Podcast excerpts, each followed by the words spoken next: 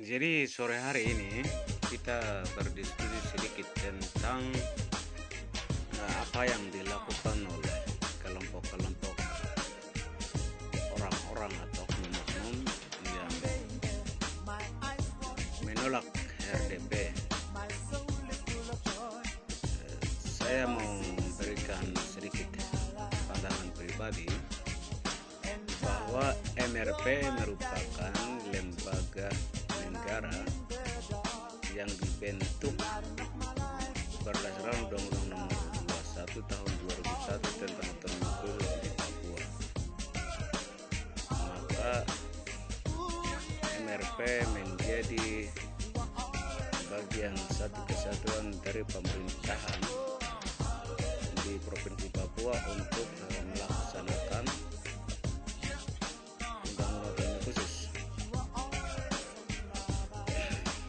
sebab itu MRP merupakan secara struktur dari pemerintahan itu sendiri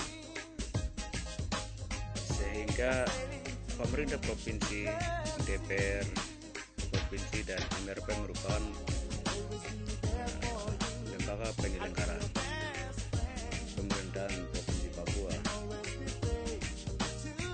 Oleh sebab itu apa yang hari ini dilakukan oleh Majelis Rakyat Papua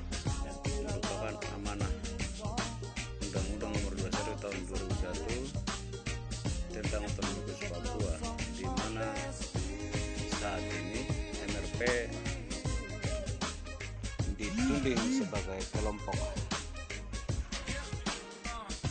Separatis lah dituding sebagai kelompok yang seolah-olah mereka ini kelompok kampanye referendum. Atau kelompok yang mendata orang-orang Papua seberapa banyak yang akan berkehendak atau beberapa banyak orang-orang Papua yang berkehendak untuk tetap ada dalam bangsa Indonesia seperti itu padahal logika hukumnya berdasarkan pasal 77 itu udah pasal 77 Undang-Undang Nomor 27 tahun 2001 memberikan amanah kepada MRP untuk men, uh, menyampaikan aspirasinya lewat lembaga MRP kepada DPR dan pemerintah. Hasil daripada apa yang dilakukan kegiatan hari ini yang dinamakan rapat dengar pendapat atau rapat umum dengar pendapat dan lain-lain sebagainya sebagai wadah untuk menyambung aspirasi sebagai wadah untuk menyediakan tempat rakyat berkehendak. Kemudian hasil daripada itu akan disampaikan ke DPR dan pemerintah lalu DPR dan pemerintah akan memberikan keputusan. Jadi entah RDP dilaksanakan tanpa ditolak tanpa MRP melaksanakan RDP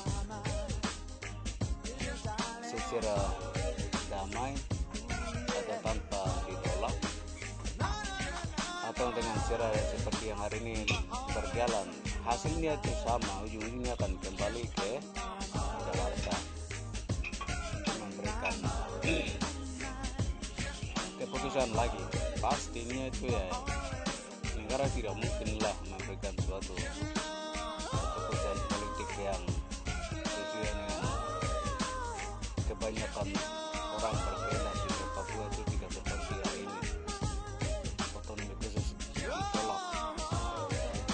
negara ini kan pintar kalau khusus begitu ditolak oleh 70-an atau 80 persen orang Papua sekalipun pasti mereka akan berikan produk hukum yang lain mekanisme dengan sistem yang lain. Jadi jangan pernah berharap kepada MRP dengan RDP seolah-olah mereka ini juru kampanye untuk menentukan nasib dan masa depan bangsa ini itu yang kacau. Jadi masyarakat tabi ke masyarakat segelintir orang di Wamena yang mengatasnamakan kepala suku lah segala macam yang menolak RDP segala macam itu mereka tidak sadar. Mereka tidak paham tafsiran-tafsiran di dalamnya sehingga ya asal ngomong aja itu. Para aparat TNI Polri masyarakat kelompok barisan merah putih kah kelompok ini kelompok itu saya malah kasihan orang dengan cara dan gaya mereka ini justru memberikan legitimasi yang kuat kepada rakyat Papua untuk menuntut hak politik sebagai sebuah bangsa itu bukan lagi melalui Jakarta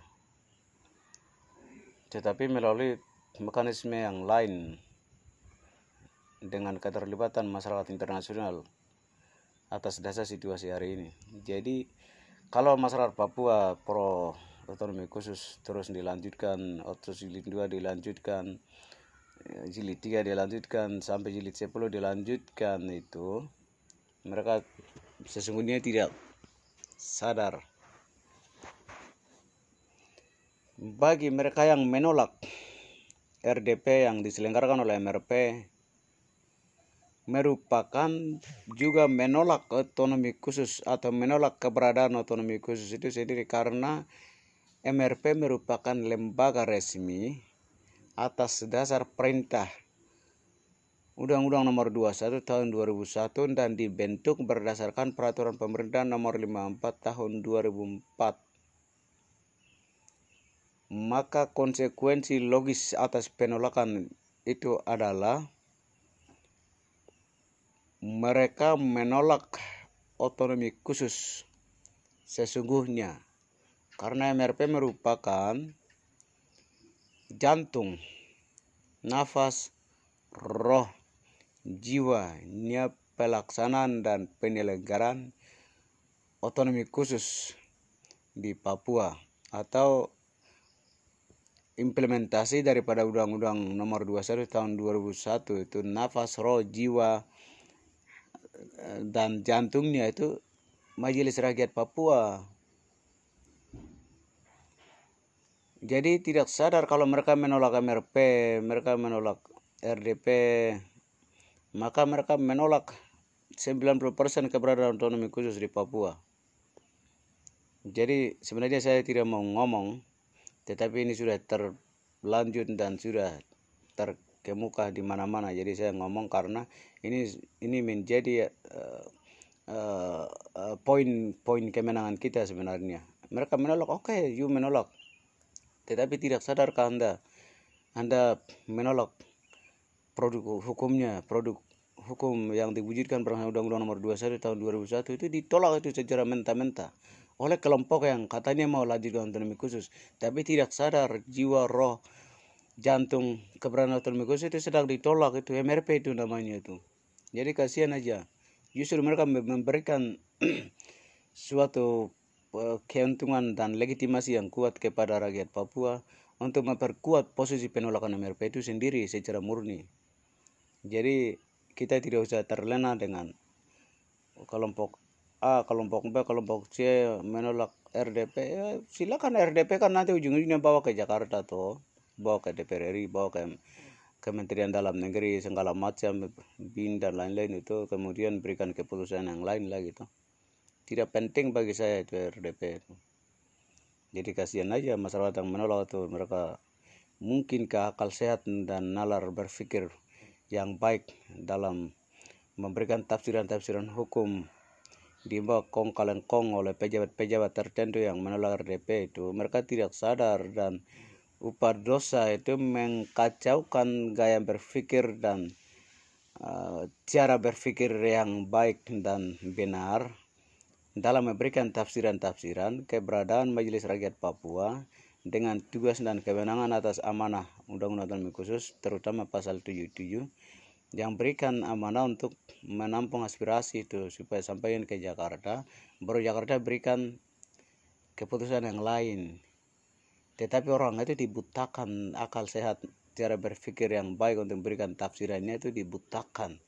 Dibutakan karena apa? Itu kekacauan negara ini sudah terjadi. Dan saya malah senang orang-orang yang terus dibutakan ini.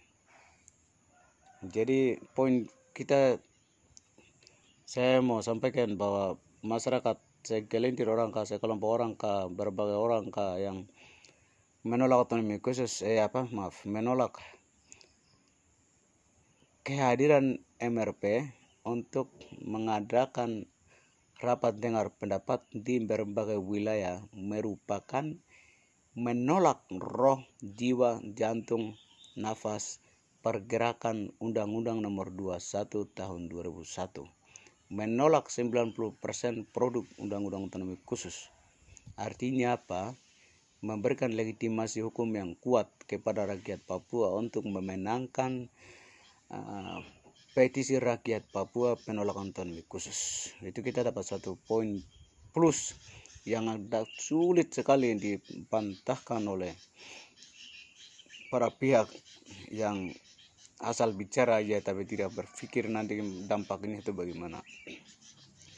Ini masukan saya supaya kita memberikan kajian-kajian kepada rakyat supaya kita tidak menciptakan kemarahan terhadap eh, rakyat kita sesama rakyat yang lain yang menolak otonomi khusus itu. Artinya menolak otonomi khusus. Dalam artian menolak MRP hadir di tengah-tengah mereka untuk mengadakan rapat dengar pendapat. Itu mereka menolak menolak otonomi khusus. Itu poinnya. Jadi ini pandangan saya. Saya karena uh, malas menulis jadi saya berikan rekaman lewat wadah yang ada. Kiranya sedikit tulisan uh, rekaman ini dapat memberikan uh, membuka pikiran kami bahwa bagi kelompok-kelompok yang menolak MRPS sesungguhnya menolak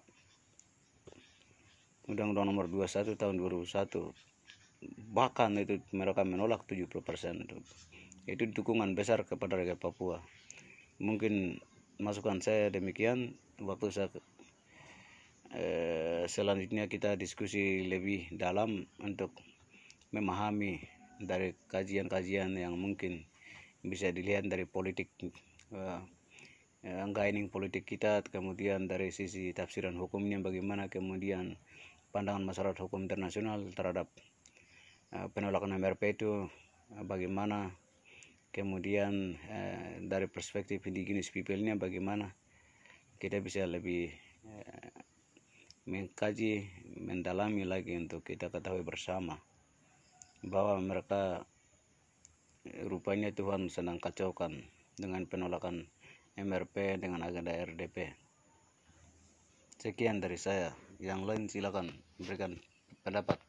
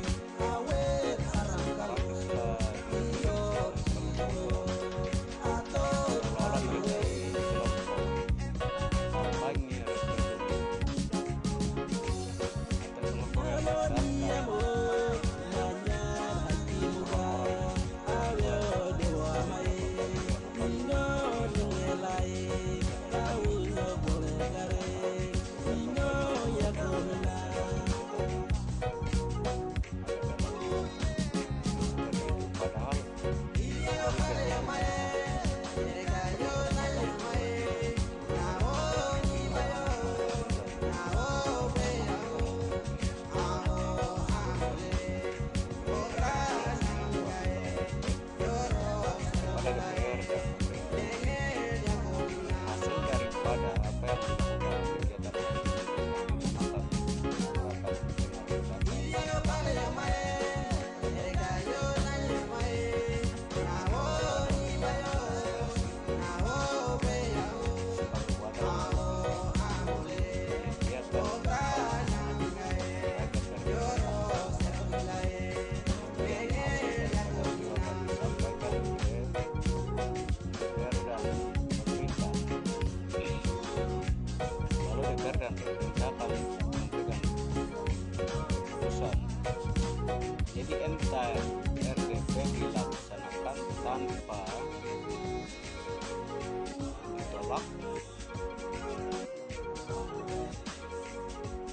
tanpa MRP melaksanakan RDP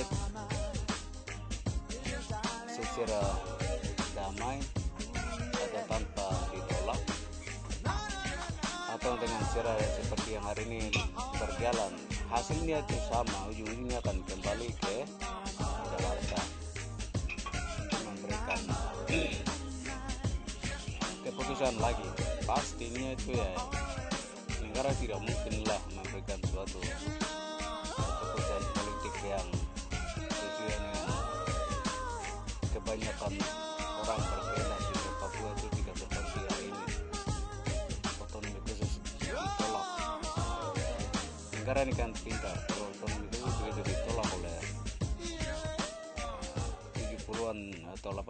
80 persen orang Papua sekalipun pasti mereka akan berikan produk hukum yang lain mekanisme dengan sistem yang lain. Jadi jangan pernah berharap, kepada MRP dengan RDP seolah-olah mereka ini juru kampanye untuk menentukan nasib dan masa depan bangsa ini. Itu yang kacau. Jadi masyarakat tapi ke masyarakat segelintir orang di Wamena yang mengatasnamakan kepala suku lah. Segala macam yang menolak RDP segala macam. Itu mereka tidak sadar. Mereka tidak paham tafsiran-tafsiran di dalamnya. Sehingga ya asal ngomong aja itu. Para aparat TNI Polri masyarakat kelompok barisan merah putih kah kelompok ini kelompok itu saya malah kasihan orang dengan cara dan gaya mereka ini justru memberikan legitimasi yang kuat kepada rakyat Papua untuk menuntut hak politik sebagai sebuah bangsa itu bukan lagi melalui Jakarta tetapi melalui mekanisme yang lain dengan keterlibatan masyarakat internasional atas dasar situasi hari ini. Jadi kalau masyarakat Papua pro otonomi khusus terus dilanjutkan, otsus jilid 2 dilanjutkan, jilid 3 dilanjutkan sampai jilid 10 dilanjutkan itu mereka sesungguhnya tidak sadar bagi mereka yang menolak RDP yang diselenggarakan oleh MRP merupakan juga menolak otonomi khusus atau menolak keberadaan otonomi khusus itu sendiri karena MRP merupakan lembaga resmi atas dasar perintah Undang-Undang Nomor 21 Tahun 2001 dan dibentuk berdasarkan Peraturan Pemerintah Nomor 54 Tahun 2004 maka konsekuensi logis atas penolakan itu adalah mereka menolak otonomi khusus sesungguhnya karena MRP merupakan jantung, nafas, roh, jiwa, niat pelaksanaan dan penyelenggaraan otonomi khusus di Papua atau implementasi daripada Undang-Undang Nomor 21 Tahun 2001 itu nafas, roh, jiwa dan jantungnya itu Majelis Rakyat Papua. Jadi tidak sadar kalau mereka menolak MRP, mereka menolak RDP, maka mereka menolak 90% keberadaan otonomi khusus di Papua. jadi sebenarnya saya tidak mau ngomong tetapi ini sudah terlanjut dan sudah terkemuka di mana-mana. Jadi saya ngomong karena ini ini menjadi uh, uh, uh, poin poin kemenangan kita sebenarnya. Mereka menolak oke okay, you menolak. Tetapi tidak sadarkah anda? Anda menolak produk hukumnya produk hukum yang diwujudkan berdasarkan Undang-Undang Nomor 21 Tahun 2001 itu ditolak itu secara mentah-mentah oleh kelompok yang katanya mau lanjutkan otonomi khusus. Tapi tidak sadar jiwa roh jantung khusus itu sedang ditolak itu MRP itu namanya itu. Jadi kasihan aja. Justru mereka memberikan suatu uh, keuntungan dan legitimasi yang kuat kepada rakyat Papua untuk memperkuat posisi penolakan MRP itu sendiri secara murni. Jadi kita tidak usah terlena dengan kelompok A, kelompok B, kelompok C menolak RDP, ya silakan RDP kan nanti ujung-ujungnya bawa ke Jakarta tuh, bawa ke DPR RI, bawa ke Kementerian Dalam Negeri segala macam BIN dan lain-lain itu kemudian berikan keputusan yang lain lagi tuh. Tidak penting bagi saya itu RDP itu. Jadi kasihan aja masyarakat yang menolak itu mereka mungkin ke akal sehat dan nalar berpikir yang baik dalam memberikan tafsiran-tafsiran hukum di bawah kong kalian kong oleh pejabat-pejabat tertentu yang menolak RDP itu mereka tidak sadar dan upah dosa itu mengkacaukan gaya berpikir dan uh, cara berpikir yang baik dan benar dalam memberikan tafsiran-tafsiran keberadaan Majelis Rakyat Papua dengan tugas dan kewenangan atas amanah Undang-Undang Khusus terutama pasal 77 yang berikan amanah untuk menampung aspirasi itu supaya sampaikan ke Jakarta. Baru Jakarta berikan keputusan yang lain tetapi orang itu dibutakan akal sehat cara berpikir yang baik untuk memberikan tafsirannya itu dibutakan. Dibutakan karena apa? Itu kekacauan negara ini sudah terjadi. Dan saya malah senang orang-orang yang terus dibutakan ini. Jadi poin kita saya mau sampaikan bahwa masyarakat segelintir orang kah, sekelompok orang kah, berbagai orang kah yang menolak otonomi khusus, eh apa, maaf, menolak kehadiran MRP untuk mengadakan rapat dengar pendapat di berbagai wilayah merupakan menolak roh, jiwa, jantung, nafas, pergerakan Undang-Undang Nomor 21 Tahun 2001 menolak 90% produk Undang-Undang Otonomi Khusus. Artinya apa? Memberikan legitimasi hukum yang kuat kepada rakyat Papua untuk memenangkan uh, petisi rakyat Papua penolakan otonomi khusus. Itu kita dapat satu poin plus yang ada sulit sekali dipantahkan oleh para pihak yang asal bicara aja tapi tidak berpikir nanti dampaknya itu bagaimana ini masukan saya supaya kita memberikan kajian-kajian kepada rakyat supaya kita tidak menciptakan kemarahan terhadap uh, rakyat kita sesama rakyat yang lain yang menolak otonomi khusus itu. Artinya menolak otonomi khusus. Dalam artian menolak MRP hadir di tengah-tengah mereka untuk mengadakan rapat dengar pendapat.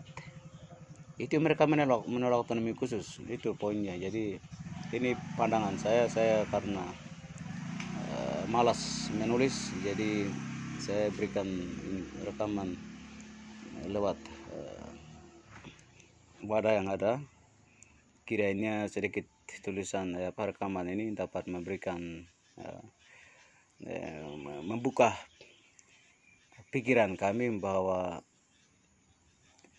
bagi kelompok-kelompok yang menolak MRPS sesungguhnya menolak Undang-Undang Nomor 21 Tahun 2001 bahkan itu mereka menolak 70% itu. Itu dukungan besar kepada rakyat Papua.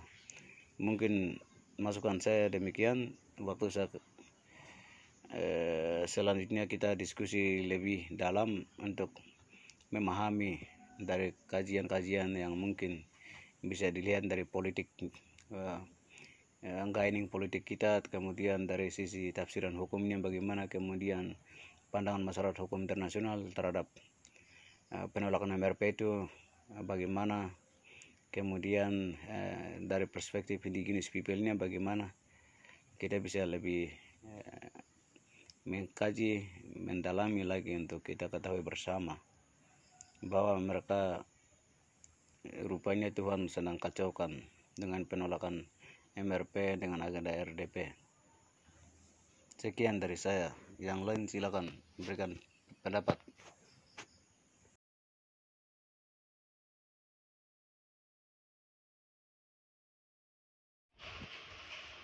Selamat malam untuk kita semua. Saya menangkapi sedikit soal miras dari yang produsen atau produksi distribusi sampai dengan pemasaran secara ekonomi bahwa dia selalu mencari peluang oleh sebab itu di mana tinggi nilai konsumsi atau di mana nilai konsumsinya tinggi, maka di situ akan jadi sasaran distribusi oleh distributor.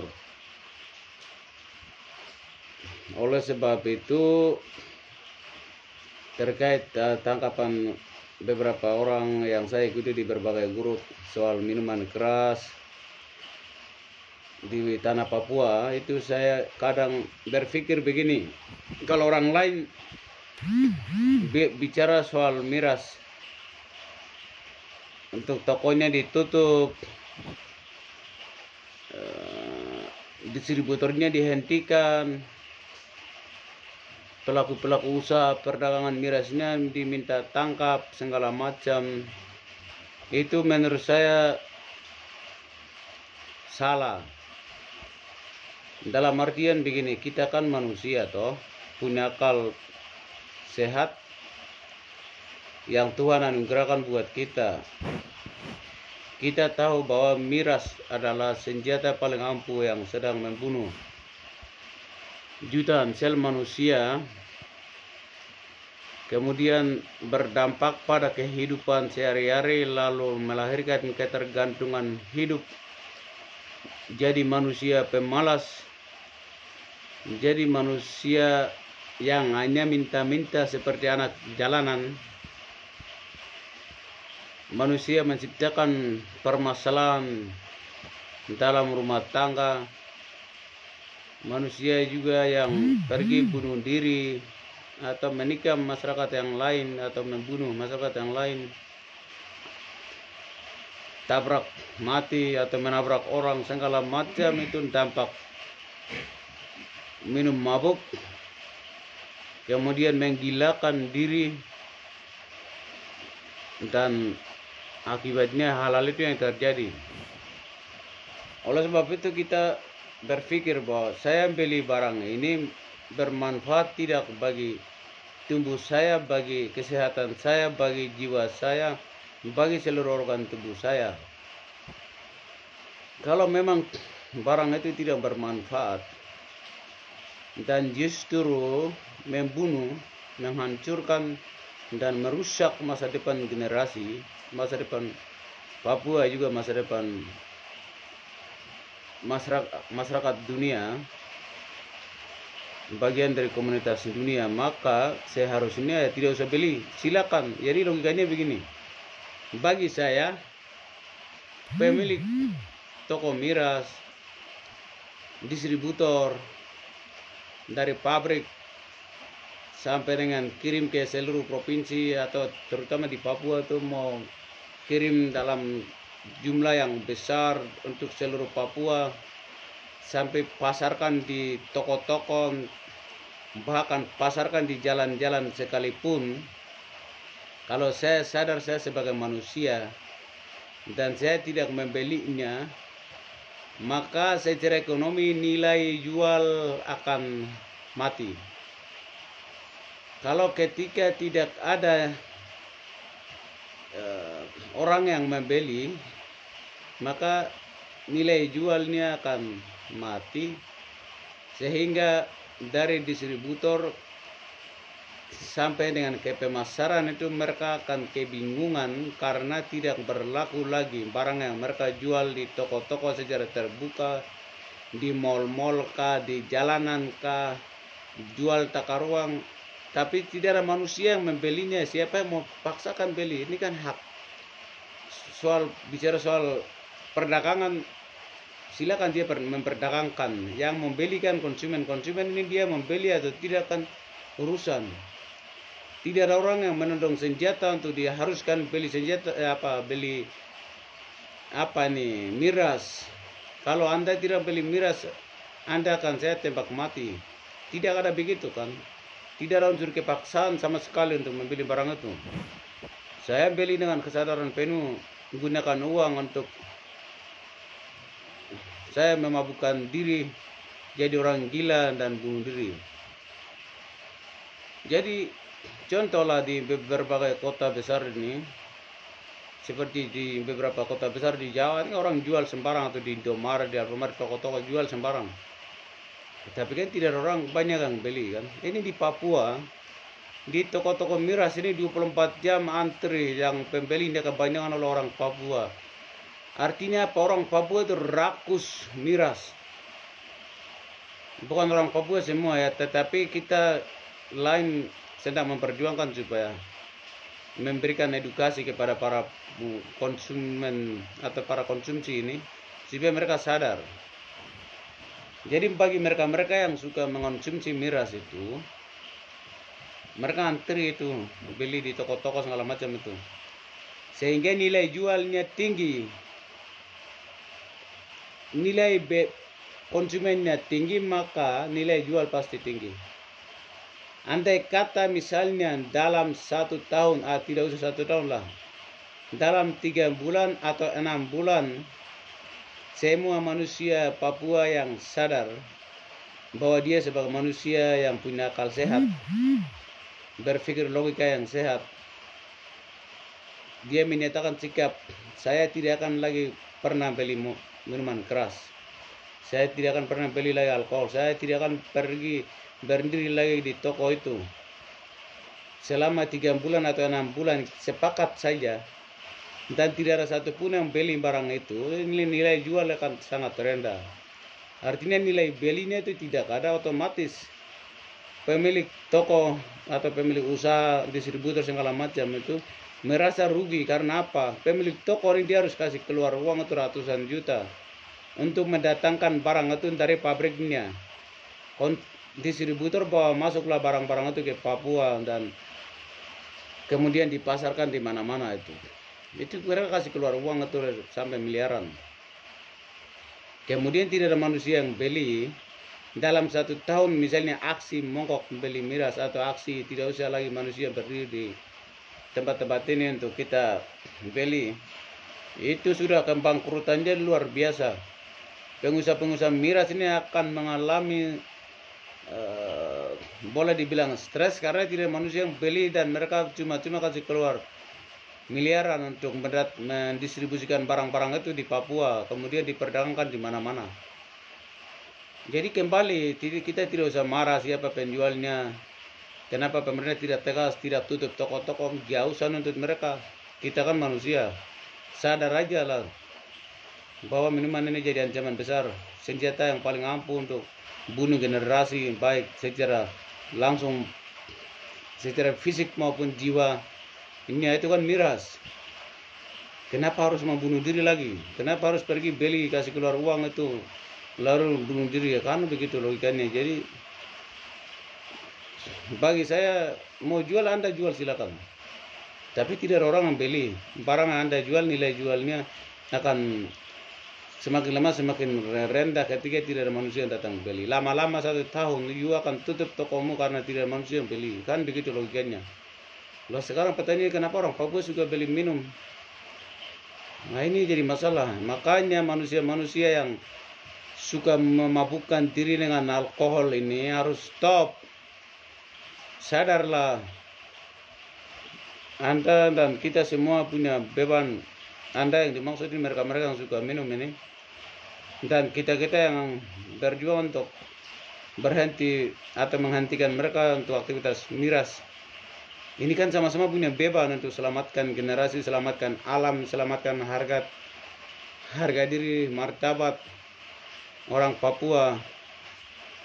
Tapi kalau mereka itu sukanya beli-beli kayak begini, mereka itu sudah ya aktornya. Karena beli ya distributornya lancar, konsum apa produs produk produksinya lancar, distribusinya lancar, pemasarannya lancar, pembelinya lancar.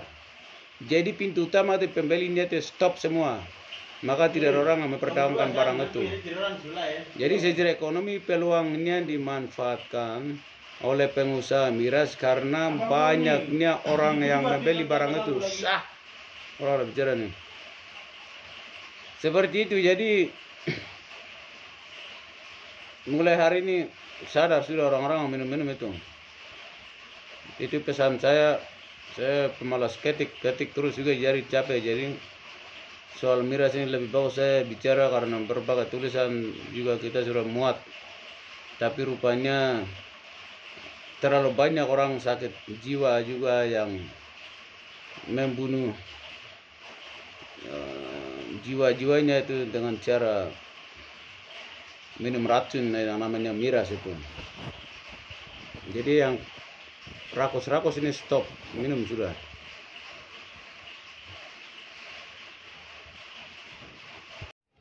Shalom, selamat sore untuk kita semua. Yang saya hormati para pemimpin di Papua dari Gubernur, MRP DPR, dan para Bupati dan DPRD se-Tanah Papua yang saya hormati para pemimpin pelaku bisnis, market, dan pedagang yang saya hormati para masyarakat orang asli Papua yang saya hormati para intelektual, mahasiswa, pelajar, yang saya banggakan para pemimpin gereja di tanah Papua dan seluruh umat Tuhan yang hidup menetap di atas tanah Papua.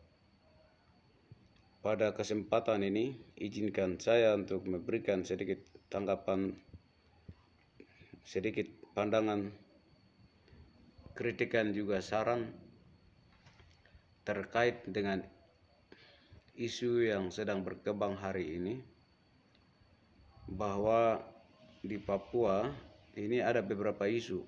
Yang pertama tentang otonomi khusus. Rakyat Papua kebanyakan mengatakan otonomi khusus telah gagal. Rakyat Papua yang lain juga mengatakan otonomi khusus memberikan dampak yang positif bagi kemajuan orang Papua. Rakyat Papua yang menyatakan otonomi khusus telah gagal sepakat untuk melakukan penolakan dengan berbagai aksi. Rakyat Papua yang menyatakan otonomi khusus telah memberikan manfaat untuk orang Papua juga telah mendorong dan mendukung upaya pemerintah untuk memperpanjang dana alokasi umum yang diamanahkan dalam Undang-Undang Otonomi Khusus. Dalam posisi ini, ada persoalan kedua yaitu tentang isu pemakaran yang mana hari ini sedang viral di media adalah tentang uh, Provinsi Papua Tengah dengan kedudukan ibu kota provinsi di Timika. Kemudian isu yang ketiga adalah isu rasisme yang kemudian orang Papua semua melirik isu rasisme mengarahkan konsistensinya atau konsentrasinya pada isu rasisme untuk melawan rasisme sebagai musuh bersama umat manusia di dunia dan menjadi musuh bersama umat manusia di Indonesia yang harus dihapuskan dalam kehidupan. Dari tiga isu ini, isu yang saya ikuti amati, cermati adalah tentang pemakaran Provinsi Papua Tengah dengan kedudukan ibu kota di Kabupaten Timika. Ada berbagai intelektual yang menyatakan pendapat saya pendapat dengan tim pemakaran ada intel sebanyak juga intelektual yang tidak sependapat dengan tim pemakaran sebagai negara demokrasi dan kami ada dalam uh, suasana yang demokrasi. Memang setiap orang mempunyai hak untuk menyatakan pendapat secara lisan maupun tulisan di depan umum. Dan itu tidak melarang. Oleh sebab itu saya menghormati semua pendapat dan tanpa mengurangi rasa hormat saya harus memberikan catatan saya.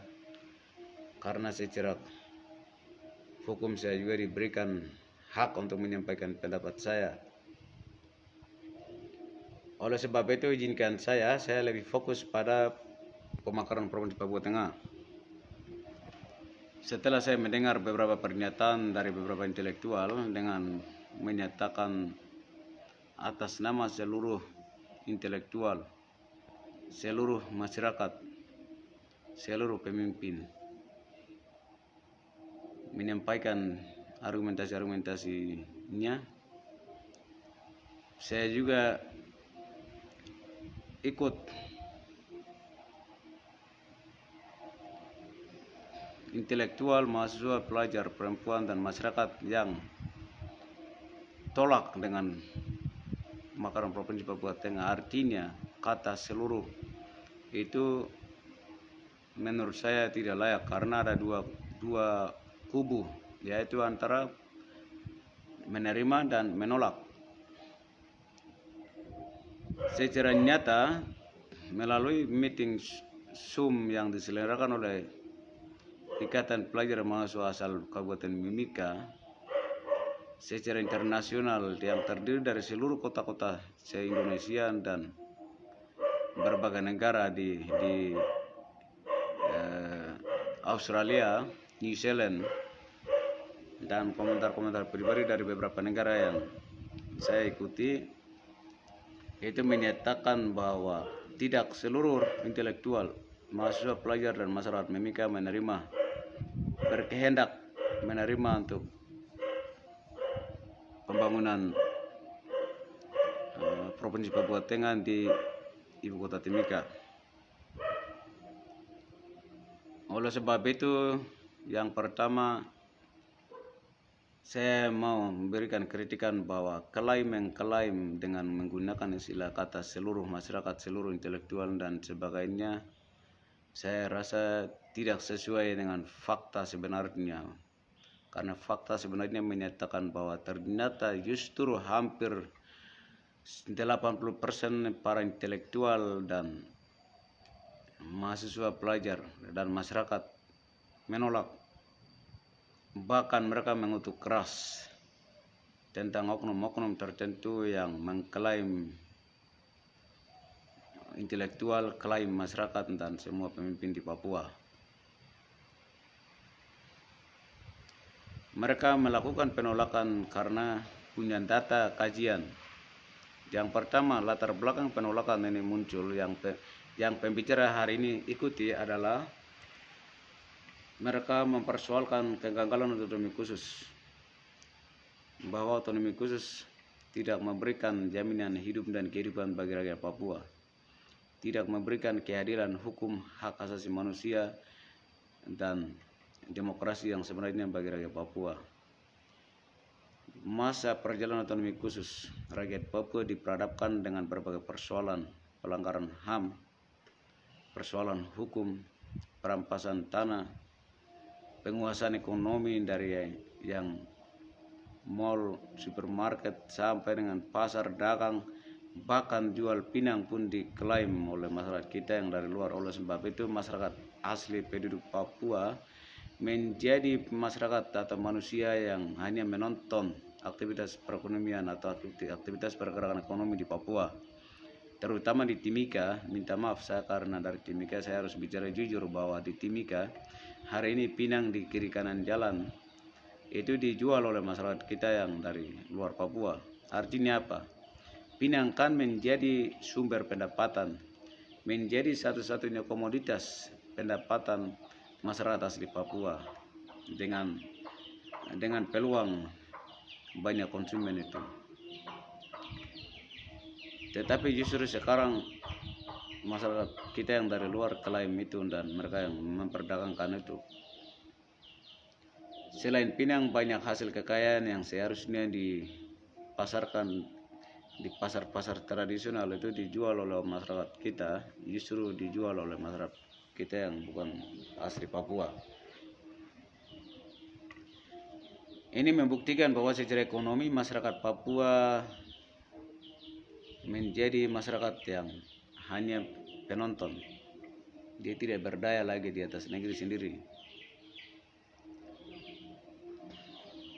Tidak punya kemampuan untuk persaingan ekonomi.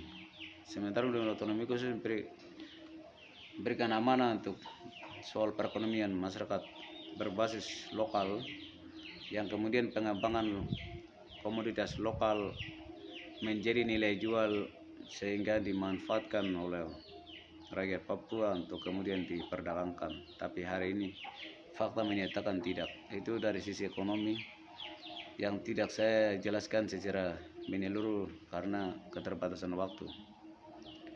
Dari sisi politik, semasa otonomi khusus, partai-partai politik, pimpinan partai politik sampai dengan pimpinan DPR di berbagai kabupaten kota itu diisi, dikuasai juga oleh masyarakat kita yang bukan orang asli Papua. Artinya apa? Amanah Undang-Undang Otonomi Khusus yang memberikan uh, apa amanah undang-undang untuk menguasai seluruh Papua itu oleh orang asli Papua itu ternyata tidak terbukti beberapa pemilu legislatif juga hampir semuanya beberapa kabupaten itu hampir semua dikuasai oleh masyarakat yang pendatang. Contoh Mai Barat itu hanya lima orang orang Papua dari 25 kursi. Di Merauke itu hanya tiga orang orang asli Papua dari 25 kursi. Di Sentani diduduki oleh masyarakat kita yang pendatang. Artinya hak politik kita diambil alih. Sementara secara hukum hak politik di, diwajibkan untuk orang Papua yang ambil alih. Itu sudah ada perintah undang-undang tetapi seperti itu faktanya soal ekonomi tadi itu dikontrol langsung pusat. Soal berputaran mata uang juga dikontrol oleh pusat. Jadi saya tidak persoalkan itu karena itu kewenangan pusat soal keuangan.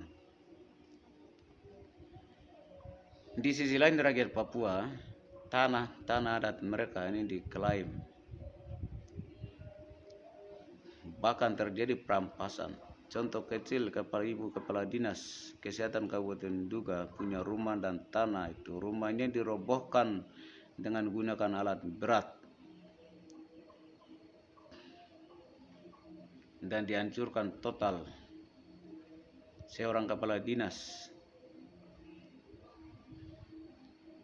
diusir dari tanah yang sejak lama hidup di atas tanah itu punya bangunan dengan segala macamnya dihancurkan dalam waktu hanya semenit terjadi di Sempan bersebelahan dengan SMA Negeri 1 Mimika. Dan banyak tanah-tanah kita dikuasai oleh masyarakat pendatang. Terlepas daripada itu kita diperadapkan dengan stigma sebagai upaya mematikan gaya dan karakter kemampuan pengelolaan kita untuk bisa mengelola semuanya dengan sila bodoh, primitif, suka mabuk. Ini sebuah stigmatisasi yang membunuh karakter manusia untuk mengembangkan dirinya sebagai manusia. Saya berikan contoh, saya orang pemain terbaik seperti bos Salosa sekalipun kalau begitu menerima caci makian dengan stigma jum main salah dan sebagainya teguran sementara dia posisi di lapangan. Mental pasti down permainan semakin kacau dan tidak terkontrol diri lagi. Nah konteks-konteks ini kan kita sedang diperhadapkan. Terlepas daripada itu yang saya ikuti dalam intelektual Mimika dan Papua menolak otonomi khusus. Diskusi ini mengarah pada otonomi khusus kegagalannya terutama pada hak asasi manusia, perlindungan hak asasi manusia. penghormatan hak asasi manusia sebagai warga negara memberikan kedudukan yang sama di hadapan hukum dan di hadapan apa pun itu tidak terwujud kegagalannya ada di mana pasal 54 55 56 57 kan sudah amanatkan tentang hak asasi manusia tentang pembentukan komisi kebenaran dan rekonsiliasi tentang penyelesaian pelurusan sejarah penyelesaian permasalahan masa lalu demi mewujudnya kesatuan dan persatuan bangsa ini saja tidak pernah dilaksanakan. Kenapa tidak pernah dilaksanakan? Bapak Ibu saudara-saudari yang saya kasih, silakan baca, menafsirkan dan begitu kita mendalami, kita membutuhkan namanya keputusan presiden. Pasal 57 ayat 3 menegaskan bahwa untuk A, B, C dan seterusnya maka membutuhkan keputusan presiden. Kalau berbicara keputusan presiden yang berkaitan dengan pelurusan sejarah, penyelesaian persoalan masa lalu, dan membangun kesatuan bangsa itu, maka itu bukan sekedar keputusan seorang presiden, tetapi ber, mendapatkan masukan dari berbagai pihak. Pasti ada intelijen di sana, pasti ada menteri hukum dan ham di sana, ada menteri pertahanan di sana, pasti ada menteri dalam negeri di sana. Mereka membahas, memutuskan bersama dan bisa menjawab keputusan presiden tentang pembentukan komisi kebenaran rekonsiliasi dan langkah-langkah kerja, mekanisme tim dan lain-lain. Anggarannya semua diatur persoalan kasus apa saja yang akan dibawa ke ranah hukum semua disepakati situ. Ini tidak pernah terwujud karena keputusan presiden merupakan komitmen politik dan niat baik pemerintah pusat atau seorang presiden dalam menyelesaikan persoalan Papua, tapi tidak terjadi. Soal partai politik sudah jelas pasal 28 tidak pernah ada. Jadi banyak kegagalan-kegagalan yang memberikan catatan yang yang dalam bahwa pemakaran provinsi Papua Tengah itu bukan solusi. Otonomi khusus perpanjangan otonomi khusus ini juga bukan solusi. Karena fakta ini menyatakan demikian oleh sebab itu apa yang disampaikan oleh intelektual Mimika dan Papua mas mahasiswa pelajar masyarakat para umumnya LSM juga gereja merupakan sesuatu kajian yang mendalam yang perlu dipertimbangkan baik-baik oleh tim oleh intelektual yang mengklaim diri sebagai mewakili seluruh dan seluruh dan seluruhnya apakah dampak positif pemakaran provinsi Papua Tengah ini 20 tahun, 50 tahun, 60 tahun, 100 tahun ke depan itu apa? Akan apa seperti kehidupan rakyat Papua saat ini dan setelah adanya provinsi ini. Perlu analisis yang tajam, perlu keputusan yang matang dan mutlak. Tidak mengada-ada karena pikiran orang, tidak mengada-ada karena tawaran orang dengan penuh kepentingan politik dan kebijakan memecah belah politik divide et impera atau atau politik pemecah belah dalam kategori kabupaten, kota, provinsi, distrik, desa, bahkan hari ini kita secara fakta seperti itu di Papua. Ada banyak teman-teman diskusi saya menyatakan semudah itu ya pemakaran provinsi Papua Tengah itu secepat itu respon pemerintah bahkan pemerintah sendiri yang berkehendaknya tetapi di daerah kami, Bung Otis, di daerah kami itu sangat susah. Pemakaran sebuah provinsi atau sebuah kabupaten saja itu perjuangannya seperti perjuangan untuk kemerdekaan sebuah wilayah itu dari pemerintahan yang berkuasa. Tetapi kok Papua semudah itu ya ada apa itu sebenarnya? Ini pertanyaan-pertanyaan yang kemudian kita harus kaji karena ada kepentingan politik, kekuasaan, supaya merendam semua tuntutan segala macam yang sedang jalan itu fakta kita tidak bisa sembunyi-sembunyi saya bicara lurus jujur polos saja kalau bicara tidak jujur tidak lurus bengkok-bengkok pastilah dibilang munafik saya tidak mau disebut munafik karena saya bicara menggunakan logika yang sehat dengan menggunakan akal tanpa didoktrin politik busuk.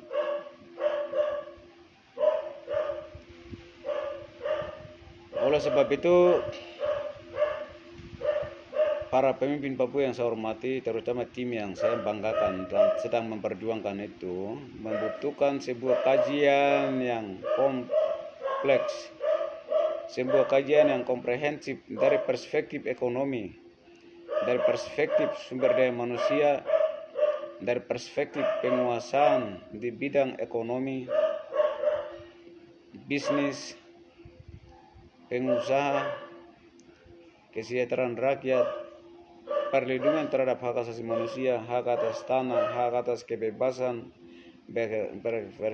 berekspresi, hak atas pekerjaan, hak atas non diskriminasi, non stigmatisasi, non marginalisasi dengan sebutan-sebutan tadi sebagai upaya pembodohan dan pembunuhan karakter dan kemampuan yang Tuhan berikan kepada kami. Membutuhkan kajian-kajian itu menyampaikan kepada rakyat secara terbuka, transparan, dan akuntabel bahwa kami menjamin dengan menggunakan pikiran kita sendiri jangan menggunakan pikiran orang lain. Kita kan bukan tameng kita kan bukan wayang kita kan bukan alat yang diperagakan oleh manusia normal. Yang menjadi persoalan adalah jangan sampai bahasa yang manis-manis dengan klaim yang klaim merupakan gunakan pikiran orang lain karena kita didoktrin dengan bahasa seperti demi pembangunan, demi kesejahteraan, demi keadilan, demi ini, demi itu. Itu hal biasa. Tanpa provinsi, tanpa kabupaten, tanpa pemakaran apa pun, rakyat Papua punya hak untuk menikmati pembangunan, menikmati kesejahteraan, keadilan, sebagai warga negara dan sebagai bagian dari penduduk umat manusia dunia. Yang juga bagian dari 8 juta penduduk dunia 8 miliar penduduk dunia. Terlepas daripada itu kita lihat kota Timika sendiri bagaimana begitu adanya Freeport masuk dampaknya bagaimana? Apakah masyarakat Tuyusuku ini menjadi masyarakat yang produktif? Sehingga dana dana ibah yang diberikan oleh Freeport kepada rakyat di Timika terutama masyarakat kita di suku ini dan dikelola pada saat pengelolaan di bawah kontrol lembaga pengembangan masyarakat Amung dan Kamora sebelumnya itu melalui biro-biro atas nama suku itu apakah masyarakat kita ini menjadi masyarakat yang produktif dengan mengembangkan dana ibah yang ada untuk membuka tempat-tempat usaha, menjadi pelaku usaha, membuka uh, jasa uh, pelayan, pelayanan seperti jasa tiketing, jasa uh, counter pulsa, bengkel, atau jasa klinik, praktek dokter atau apa pun. Apakah sudah sukses ke arah-arah itu? berapa miliar yang habis? Tetapi sampai hari ini masalah kita itu jadi penonton.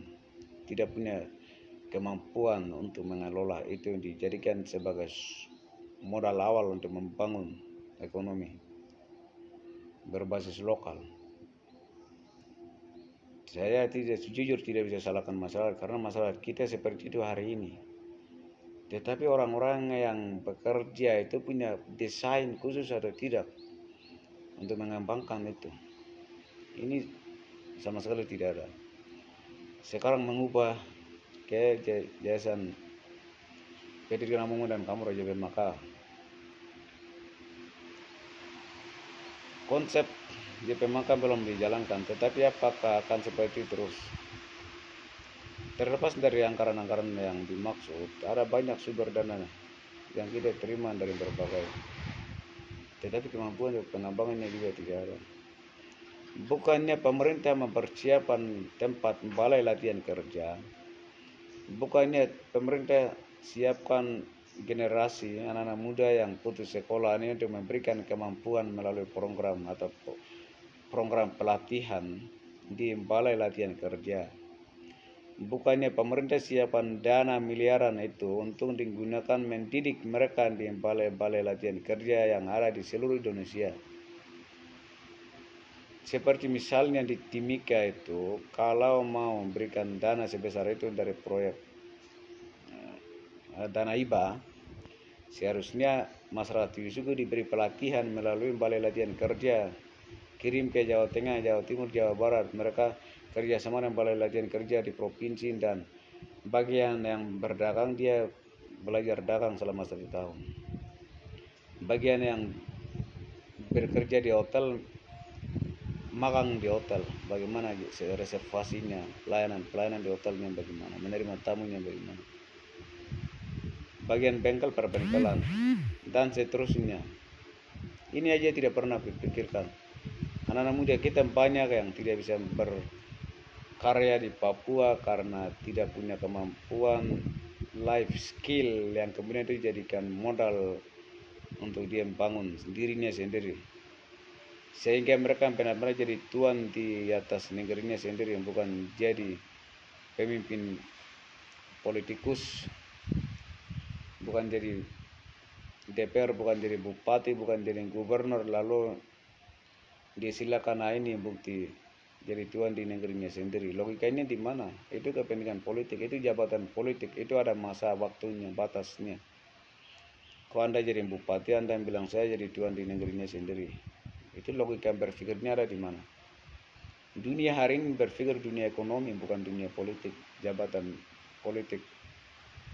Anda jadi bupati, DPR, gubernur, dan seterusnya merupakan jabatan politik, jabatan kontrak politik antara rakyat dan pemimpinnya melalui yang namanya partai politik. Sehingga Anda bisa disebut sebagai kepentingan politik dari partai politik. Rakyat hanya berikan amanah untuk duduk lima tahun itu. Dan itu bukan diri tuan di negeri sendiri. Kalau disebut tuan di negeri sendiri itu logika berpikirnya sudah kacau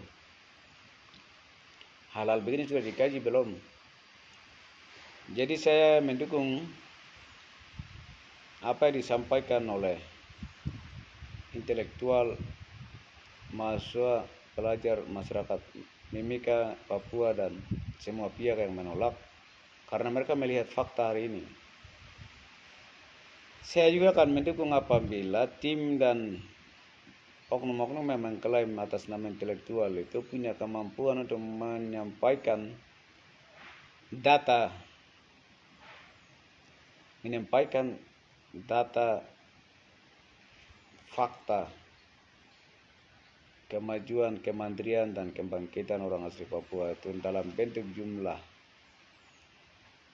Sekian sudah seperti ini dan kita hanya bekerja untuk sekian ini supaya besok kita semua seperti ini itu harus jelas kesimpulannya jangan mengada-ada lebih parah lagi kalau menggunakan logika Jakarta gunakan optik Jakarta gunakan kacamata Jakarta untuk melihat itu lalu berikan narasi yang wow seperti itu. Tetapi kan kita tahu. Jadi saya mau jujur sampaikan bahwa proyek dan konsep rencana pem pemakaran provinsi Papua Tengah yang ada beberapa basis itu merupakan konsepnya intelijen bukan atas kehendak rakyat bukan atas kehendak Papua tapi konsepnya intelijen kalau sudah bicara soal konsepnya intelijen ya pemerintah ini meneruskan apa yang sudah dikonsepkan. Kalau itu yang dipakai selesai. Kalau sebab itu kita membutuhkan pemimpin-pemimpin Papua yang berintegritas, berwibawa, menolak semua intervensi, menolak semua interupsi, menolak semua uh, bisikan-bisikan kiri kanan baik itu yang bisikan yang baik maupun bisikan yang buruk. Bisikan yang diatur dalam bentuk narasi yang seolah-olah maupun yang tidak menolak. Dan harus berintegritas jujur nyatakan sikap atas kehendak. Jangan dipakai. Kalau sudah dipakai atau karena ikuti pikiran orang lain atau karena dipengaruhi dan didoktrinisasi maka tidak sadarkah kita ini diposisikan sebagai manusia yang tidak punya kemampuan lalu dijadikan sebagai alat? Kemudian dijadikan sebagai tameng dan ditampilkan di layar TV berubah wayang yang diperagakan oleh manusia normal hari ini kita di Papua membutuhkan pemimpin-pemimpin yang membuat merepotkan banyak orang pemimpin-pemimpin yang melahirkan frontal. Kita butuh pemimpin-pemimpin seperti uh, Ahok, seperti Jokowi sebelumnya, sebelum jadi presiden pertama dan kedua. Ini pemimpin-pemimpin yang membuat suasana kacau. Harus seperti itu. Ini diam-diam baru nanti uh, ikutan-ikutan dengan pikiran dan konsep orang lain. Saya kira ini bukan. Kalau modelnya seperti itu saya yakin bahwa Papua itu tetap ada dalam uh, konsep sebuah wilayah konflik. Karena apa? Manusia saja diistir apalagi alamnya, apalagi masyarakat. Maka wilayah konflik itu akan terus dipelihara. Kita tidak membenci siapa pun, tetapi kita butuh hormati hak hormati martabat manusia sebagai manusia yang sama dan hormati saya sebagai tuan rumah Anda punya etika datang dengan cara orang bertamu bagaimana fakta hari ini kan tidak. Anda kita ini justru jadi tamu di negeri sendiri. Orang lain menguasai. Orang lain jadi tuan di negeri sendiri. Kita jadi tamu di negeri sendiri. Maaf mau seorang lain jadi tuan di negeri kita.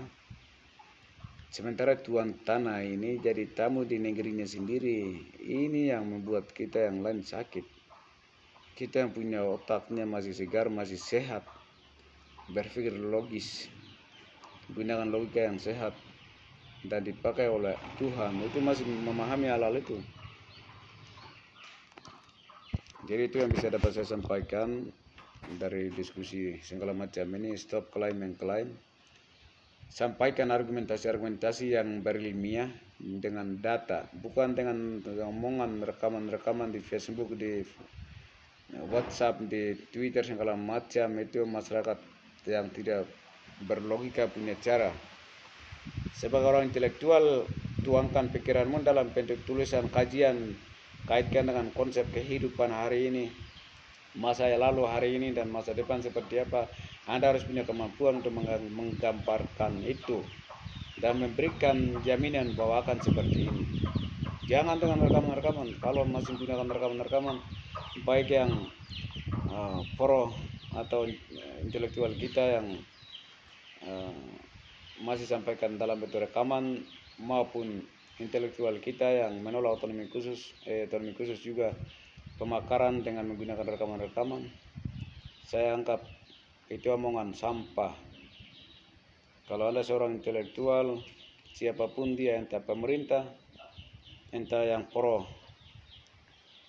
pemakaran atau kontra dengan pemakaran atau yang menolak sampaikan kajiannya dalam bentuk menulis secara ilmiah dan kajian yang akademis kajian yang ilmiah supaya masyarakat juga memahami dengan penyampaian-penyampaian informasi yang dikajikan dalam bentuk tulisan yang ilmiah itu. Dan juga pihak elit-elit juga paham tentang pikiran kita tentang pandangan kita tentang tanggapan kita dan hari ini saya rekam karena saya sedang melakukan penelitian dan penulisan soal analisis saya tentang tim pemakaran tentang pikiran pusat tentang otonomi khusus juga tentang perkembangan Papua hari ini dan juga Timika dan apa yang menjadi dasar pertimbangan penolakan yang dilakukan oleh intelektual mahasiswa dan pelajar asal Kabupaten Timika dan Papua pada umumnya sedang menulis dan akan sampaikan itu dalam bentuk tulisan. Dan kalau memang mau menanggapi tulisan saya itu juga dalam bentuk yang tulisan buatlah antitesis dengan argumentasi yang kuat dalam bentuk yang tulisan jangan rekaman. Kalau rekaman kan suara ayam juga bisa direkam seperti yang ada pembicaraan ini. Suara babi juga bisa direkam. Suara anjing juga bisa direkam. Suara apa pun bisa direkam tapi kalau tulisan tidak bisa menulis semuanya karena mereka tidak punya kemampuan menulis mereka hanya berteriak. Ya anda jangan seperti mereka yang berteriak menulis. Itu masukan yang agak kasar tapi supaya jadi bahan pertimbangan. Ini yang bisa dapat saya sampaikan. Mohon maaf kurang dan lebihnya. Kiranya setengah jam ini menjadi waktu untuk fokus kita sama-sama mendengarkan rekaman singkat ini. Bukan singkat tapi 34 menit. Terima kasih.